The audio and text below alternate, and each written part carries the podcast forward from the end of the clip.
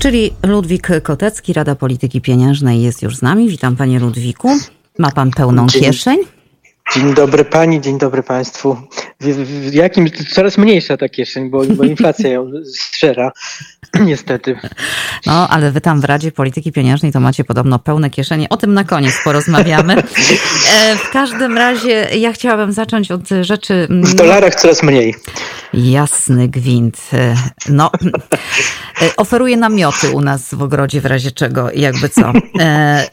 Panie Ludwiku, no inflacja ma się dobrze nadal. Nic się nie zmieniło, chociaż chyba, chyba się znowu podniesie. O ile wiem, w poniedziałek ma być znowu kolejna tak, e, flash tak zwany. Tak, tak. I jak pan sądzi? Ile no, będzie? kolejny rekord. Kolejny rekord na tym płaskowyżu, jak, mm -hmm. jak niektórzy mówią. Znaczy miał być płaskowyż, a tutaj jest, a tutaj są nam niestety rośnie, tak? To znaczy, no powyżej 18 tym razem, jak sądzę. Mm -hmm. Albo blisko 8, no około 18, tak? No może tak. No to mm -hmm. Jedna, dwie dziesiąte w jedną stronę albo w drugą, no to, to nie jest żaden błąd prognozy, no około 18. Zostańmy przy 18. Panie, no, czyli bardzo dużo. Bardzo dużo. Tym bardziej, że jakoś ja ekonomistką nie jestem, ale wydaje mi się, że inflacja to jest jedna rzecz, a druga jeszcze jest, że te ceny to nie rosną tylko o 20% w sklepach, bo poszczególne produkty no, no rosną du dużo więcej, więc te, ta odczuwalna, tak. jakby te odczuwalne wzrosty dla przeciętnego Polaka są dużo bardziej dotkliwe. A proszę mi powiedzieć, tak jak specjalista, ekonomista, o co chodzi e, i na co to się przekłada? Bo mm, wiemy, że inflacja założona w budżecie, no a przecież budżet no to taka rzecz poważna dosyć, budżet domowy, budżet państwa tym tak, bardziej. Tak, e, tak. A więc ta założona. Tak, tak. A więc ta założona inflacja wynosi 2,5%. E, no a my dobijamy do 20%. Co to nie, oznacza? Nie, nie, to no. Tu jest, tu jest, y, to, to jest jakaś, jakaś y, no, pomyłka. Znaczy nie, nie wiem skąd te 2,5, ale tak czy inaczej w budżecie rzeczywiście założono bardzo niską, znaczy bardzo niską inflację, no może tak, bo z tym bardzo to, to przesadziłem pewnie. E, to jest, to jest nie, w tej chwili niecałe 10% jest założone na przyszły rok, jeżeli Aha. chodzi o inflację. No ale ona jest dzisiaj 17, 17 mówimy teraz o 18 w w, no teraz w październiku. I to może, może być niestety tak, że ona niestety znowu zaskoczy, znaczy zaskoczy negatywnie budżet w takim sensie, że, że nie zrealizują się założenia makroekonomiczne, te, które są podstawą przygotowywania tego budżetu. Ale tak naprawdę minister finansów się będzie tylko i wyłącznie cieszył z inflacji. Dlatego, że on zawsze się cieszy, jak jest inflacja, jak inflacja niespodziewanie, czy no, no tak, zaskakuje, to znaczy in plus. Dlaczego? Dlatego, że budżet państwa się przygotowuje właśnie w oparciu o jakąś tam prognozę inflacji. I to szczególnie to dotyczy strony wydatkowej, czyli wydatki rosną, czy tam planuje się je w takim właśnie tempie, że one będą rosły jak inflacja. E, indeksuje się inflacją założoną. Natomiast dochody, proszę zauważyć, że są realizowane na bieżąco i one zależą od tej bieżącej inflacji. Teraz, jeżeli inflacja będzie wyższa niż te, niż te około 10%, bo tak jest założone w przyszłym roku średnio, no to minister finansów będzie realizował dochody VAT, przede wszystkim i akcyzę wyższe niż, niż zaplanowane, niż zaplanowane przy inflacji 10%. Dlatego, tak jak powiedziałem, każda niespodzianka inflacyjna, taka in, in plus, w sensie liczby, jest dla ministra finansów, dla rządu generalnie pozytywna, tak? Natomiast to potem się oczywiście, e, czyli w krótkim okresie jest pozytywna, a w długim okresie niestety to, jeżeli, jeżeli przyjąć, że inflacja kiedyś zacznie spadać, no to wtedy on będzie mm, jakby musiał za to płacić, dlatego że on znowu będzie planował w oparciu o taką inflację, która, która, no nie wiem, jakąś tam założoną, ale ona zacznie w jakimś momencie spadać, ta inflacja, ale to raczej nie przyszły rok, więc to nie jest to zmartwienie. No i wtedy on oczywiście będzie realizował wydatki e, w, w oparciu o indeksację wyższą inflacją, a, a dochody realizował w oparciu o, o tą niższą już rzeczywistą, bieżącą inflację. To jest dosyć pewnie skomplikowane, co powiedziałem, mm -hmm. ale tak naprawdę podsumowując, minister, rząd generalnie korzysta z inflacji, z niespodziewanej wyższej inflacji niż, niż, e, niż wcześniej no, założona czy, czy zapisana w budżecie. No bo to są większe tak dochody do roku, budżetu, tak, No dokładnie. No, tak no. jest w tym roku, tak było już pod koniec zeszłego roku i tak prawdopodobnie będzie też w przyszłym roku. Rozumiem. A pozostając jeszcze na sekundę po tym, w tym budżecie, e, bardzo często mówi się o, e, o tym, że ten budżet, że, że, że obok tego budżetu jest mnóstwo takich dziwnych funduszy pozabudżetowych w różnych dziwnych tak. miejscach. Jak to się z kolei przekłada na, na, na, na życie, na, na w ogóle na gospodarowanie? No to jest, no. to, to jest tak, to jest ten nasz problem, który, który on też narasta niestety od już kilku lat, ale, ale przybiera już monstrualne w tej chwili wymiary. Mianowicie budżet państwa przestaje spełnić rolę takiego centralnego elementu systemu finansów publicznych. To znaczy wyprowadzono z niego wiele jakby zadań i wiele wydatków, dzięki czemu można pokazywać no tak naprawdę że deficyt nie rośnie albo rośnie no, względnie w niewielkim stopniu, e, a realizować wydatki poza, zupełnie poza budżetem, w jakichś różnych funda, funda, funduszach, czy, czy, czy, czy funduszach, czy, czy, czy fundacjach i tak dalej.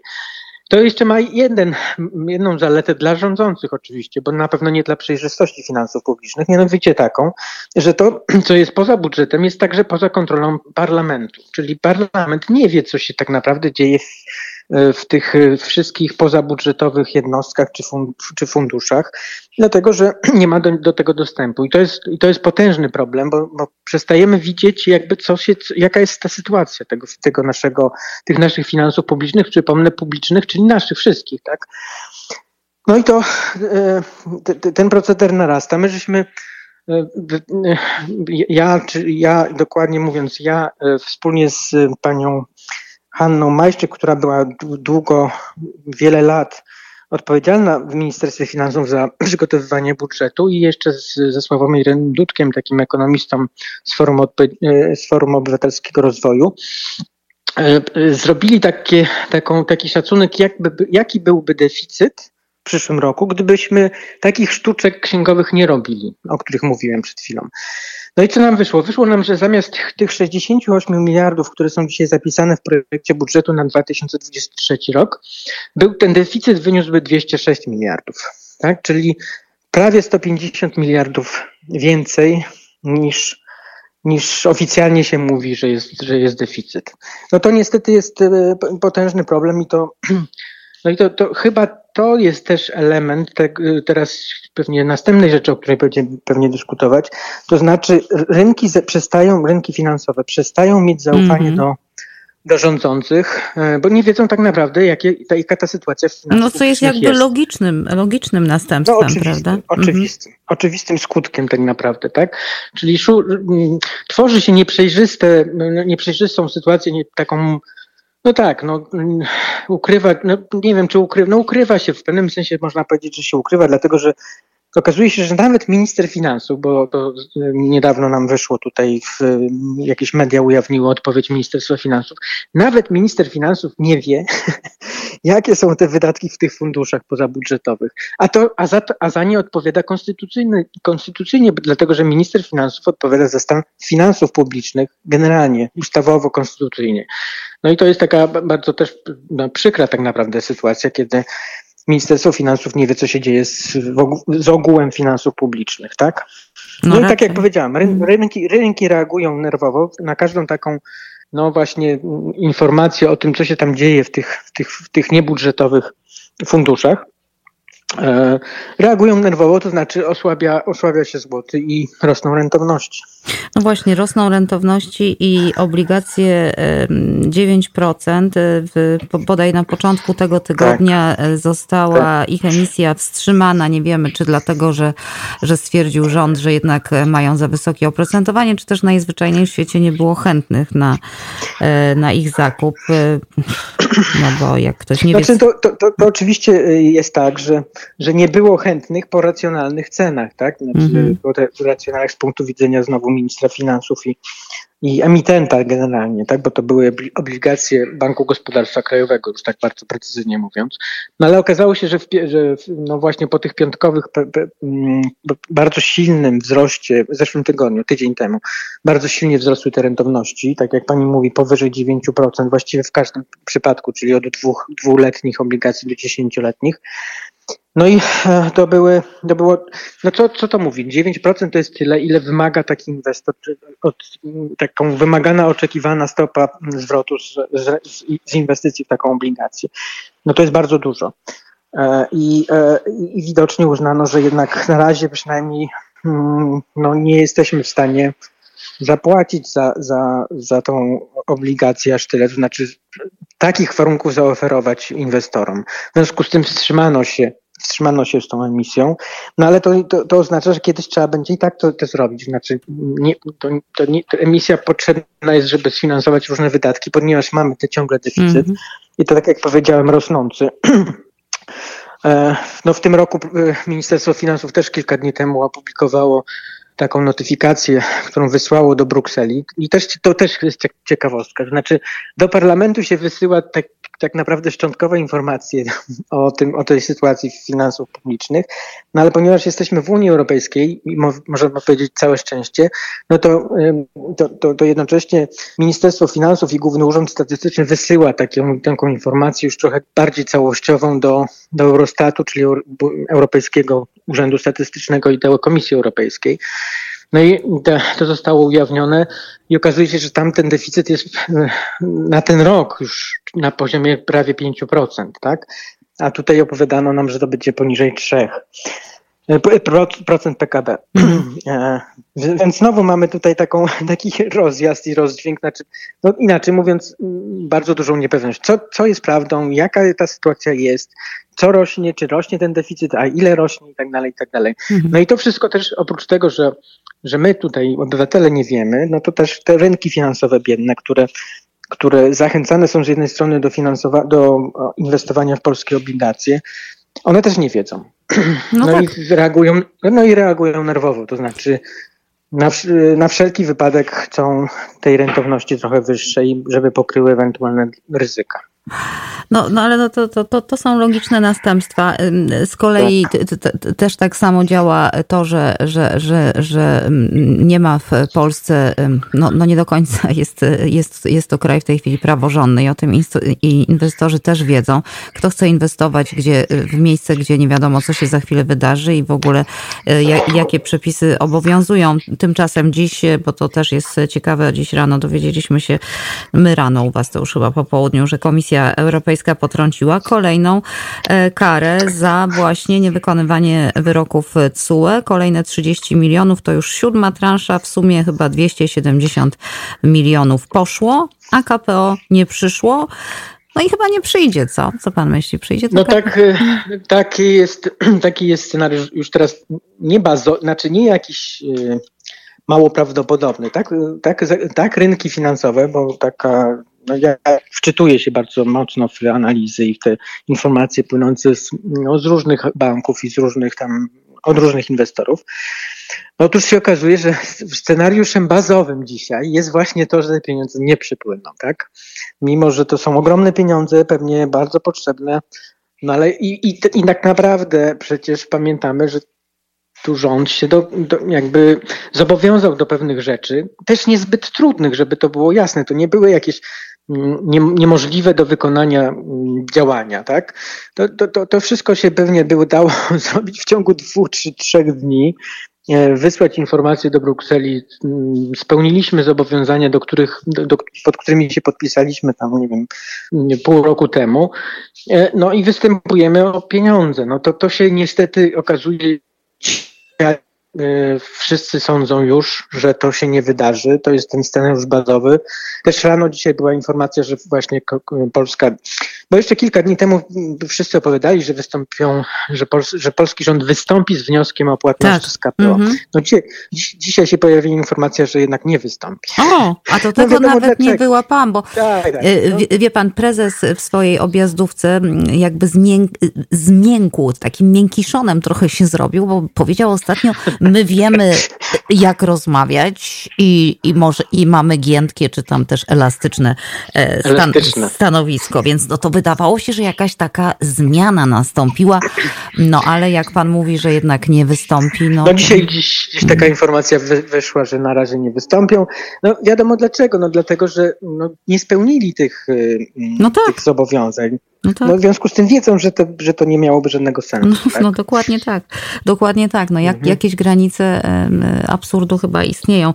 No i w związku z tym, co pozostaje rządowi, aby, aby realizować wydatki? Chwilówki, co? Chwilówki? E, no będziemy płacić prawdopodobnie więcej za ten dług. No, znaczy już te koszty bo to też jest taka ciekawa rzecz, taka tak naprawdę i bardzo niepokojąca. Koszty mm, obsługi długu w, w, w tym roku, w 2022, tak, no to jest, to, to, to było, to było około, yy, około niecałe 30 miliardów złotych. W przyszłym roku się okazuje, że to urośnie do, do około 70, tak?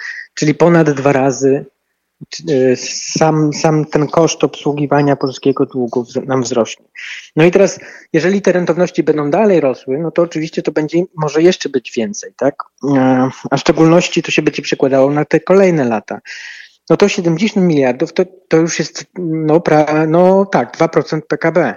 To nie jest bardzo mało. To, jest, to, już, to, mhm. już, to już są pieniądze bardzo konkretne, które na pewno by się przydały, żeby żeby e, finansować tymi pieniędzmi jakieś bardzo pożyteczne, potrzebne inwestycje na przykład, tak, mm -hmm. których w Polsce brakuje jak, jak, jak, no nie wiem już czego, jak deszczu. Już nawet nie pytam pana, przez ile pokoleń będziemy te długi spłacać, znaczy będą Polacy, ich dzieci, wnuki i tak dalej. Zapytam pana za to, czy będą podwyżki stóp procentowych. Zbieracie się chyba 9 listopada, wy, czyli Rada Polityki Pieniężnej, tak? Tak. Mhm. No tak, oczywiście nie wiem, bo to, to nie jest jednoosobowa decyzja mhm. Koteckiego, a no, w związku z tym to, to, to jest y, decyzja, którą głosujemy za każdym razem. E, pro, propozycje czy wnioski są głosowane dotyczące podwyżek albo no podwyżek, tak? No, o obniżkach nie, na razie i długo pewnie nie będziemy o nich mówić. I teraz y, y, tylko jakby komentarz, y, żeby tak już pani nie zostawiać tylko z, z, informacją, że nie wiem. No będzie też, będzie, po pierwsze będziemy właśnie, usłyszymy co co, co się wydarzyło w październiku z inflacją. Tak jak pani powiedziała, na samym początku, w poniedziałek będziemy mieć tą informację o 10 rano. E, to po pierwsze, ale po drugie, i może ważniejsze, będziemy też opiniować budżet właśnie, tak? Ten budżet, no on nie, nie sprzyja obniżaniu inflacji w Polsce w przyszłym roku, e, bo on po prostu jest proinflacyjny, no tak trzeba sobie niestety powiedzieć. No i po trzecie, będziemy mieć e, przygotowaną przez pracowników NBP nową projekcję, tak zwaną nową projekcję inflacyjną. Ona jest trzy razy do roku robiona, właśnie w tym listopadzie, lipcu i i w marcu. No ona powinna też pokazać nam, co będzie przez najbliższe tam 8 kwartałów się działo w gospodarce. No, gospodarka może tak, powiem tak dosyć optymistycznie, ciągle ma się całkiem nieźle. To znaczy te dane bieżące są, oprócz oczywiście inflacji, to są całkiem niezłe. To znaczy i produkcja, i sprzedaż i tak dalej. E, no, no, czyli te, te, jakby ta gospodarka realna, ona oczywiście tam sobie spowalnia, ale to nie jest takie spowolnienie, które jakoś jest gwałtowne albo bardzo niepokojące. W szczególności, tak jak może już, już nie, nie, nie słychać mnie było, w szczególności mamy ciągle niezły ten rynek pracy, tak? Znaczy przed chwilą mm -hmm w tym, już, już w okresie no, powojennym, tak, znaczy, czyli już czy wojennym właściwie e, na Ukrainie, my, my w tym czasie żeśmy zatrudnili ponad, ponad 400 tysięcy Ukraińców, uchodźców ukraińskich i to właściwie w okresie, kiedy już gospodarka zaczęła spowalniać. Tak? Znaczy nie było problemu, żeby, żeby ci, ci ludzie znaleźli w Polsce e, tak. pracę, tak? podjęli pracę. Więc jest nieźle, tylko no, problemem jest inflacja. No i, i co więcej, jeżeli, no to może ostatnie zdanie, jeżeli ta gospodarka ma tak się, no tak ciągle nieźle, to uważam, że jest mm, miejsce na to, żeby zacieśniać politykę pieniężną, żeby walczyć z inflacją właśnie. No tak. Bo to jest je, numer jeden, problem numer jeden. W No, no i właśnie, no i to właśnie jest kropka nad i w tym temacie, ale ja jeszcze mam do pana na koniec jedno szybkie pytanie. Prezes Narodowego Banku Polskiego z czterema innymi członkami Rady Polityki Pieniężnej zapowiedział rozważenie skierowania zawiadomienia o podejrzeniu popełnienia przestępstwa wobec niewskazanych z nazwiska członków Rady. Czy to pana też chcą oskarżyć, pani Ludwika? Wie pani, no tak jak pani powiedziała, oni są niewskazani. Ja, Rozumiem, to naprawdę pan nie wie. Nie ale, wiem, ale nie Jezus wiem. Maria, bo Ale ja, jak ja, dziwne. jak ja to Tak, przeczytałam, to tak sobie wyobraziłam, jak państwo się zbierają na tej Radzie Polityki Pieniężnej. Tam oczywiście dwa obozy, bo w Polsce same obozy są, jak wiemy. To wy nosicie tam chyba jakieś hełmy na głowach, no bo to jasna cholera. Strach się bać. Na- Strach się bać. No tak, tak. Znaczy wie pani, co to jest, to myślę, że to była bardzo nieprzemyślana to, to oświadczenie, o którym pani mówi, bo Mhm. takich rzeczy po prostu nie można robić. Znaczy to jest, my jesteśmy tam, każdy z nas, każdy z nas, każdy z nas jest wybrany przez albo Sejm, albo Senat, albo Parlament. Jesteśmy niezależnymi członkami, nieza, niezależnymi w szczególności od, od prezesa i, i tyle. No i mamy prawo do tego, żeby, żeby mówić, żeby przedstawiać swoje opinie na temat tego, co się powinno robić w takiej sytuacji jak teraz, jeżeli chodzi o politykę pieniężną. No i nie bardzo wiem, do czego można by było, jakby, co mogłoby być powodem właśnie w- zaskarżenia, czy oskarżenia, czy wniesienia do prokuratury jakichś tam. No wie pan, no może nie można jednak sprawie. wypowiadać swoich poglądów. Pan przemyśli, pan się zastanowi. Być może, być może to nie działa w ten sposób. Mam nadzieję, Panie mam Ludwiku, nadzieję że, ciąg, że za miesiąc pani mnie zaprosi. Panie Ludwiku, zaprosi będę e, mógł to robić dalej. Panie Ludwiku, ja panu bardzo serdecznie dziękuję. Oczywiście to było tak e, tutaj pół żartem, pół serio. A jeszcze, jeszcze pan prezes był uprzejmy powiedzieć, że państwo z Rady Polityki Pieniężnej, oczywiście ci niedobrzy, ci z tego obozu złego, e, właściwie tylko myślą o komórkach i jedzeniu. E, Powiedział to w bardzo etyczny i profesorski sposób, bo tak określiła zachowania e, prezesa Narodowego Banku Polskiego, profesor Hojny Duchy. Dzisiaj rano taką laurkę mu wystawiła, że on, on ma taki etyczny i profesorski sposób wypowiadania się. No i tyle. No pani profesor jest, jego, jest doradcą Tak. prezesa i trudno Tak. się dziwić. Że, Tak. No właśnie, więc Tak. to wszystko wiemy. Dziękuję serdecznie. Panie Ludwiku, pozdrawiam. Do usłyszenia. Dziękuję. Wszystkiego Pozdrawiam. dobrego. Pozdrawiam. Ludwik Kotecki, Rada Polityki Pieniężnej, był naszym gościem e, w pigułce.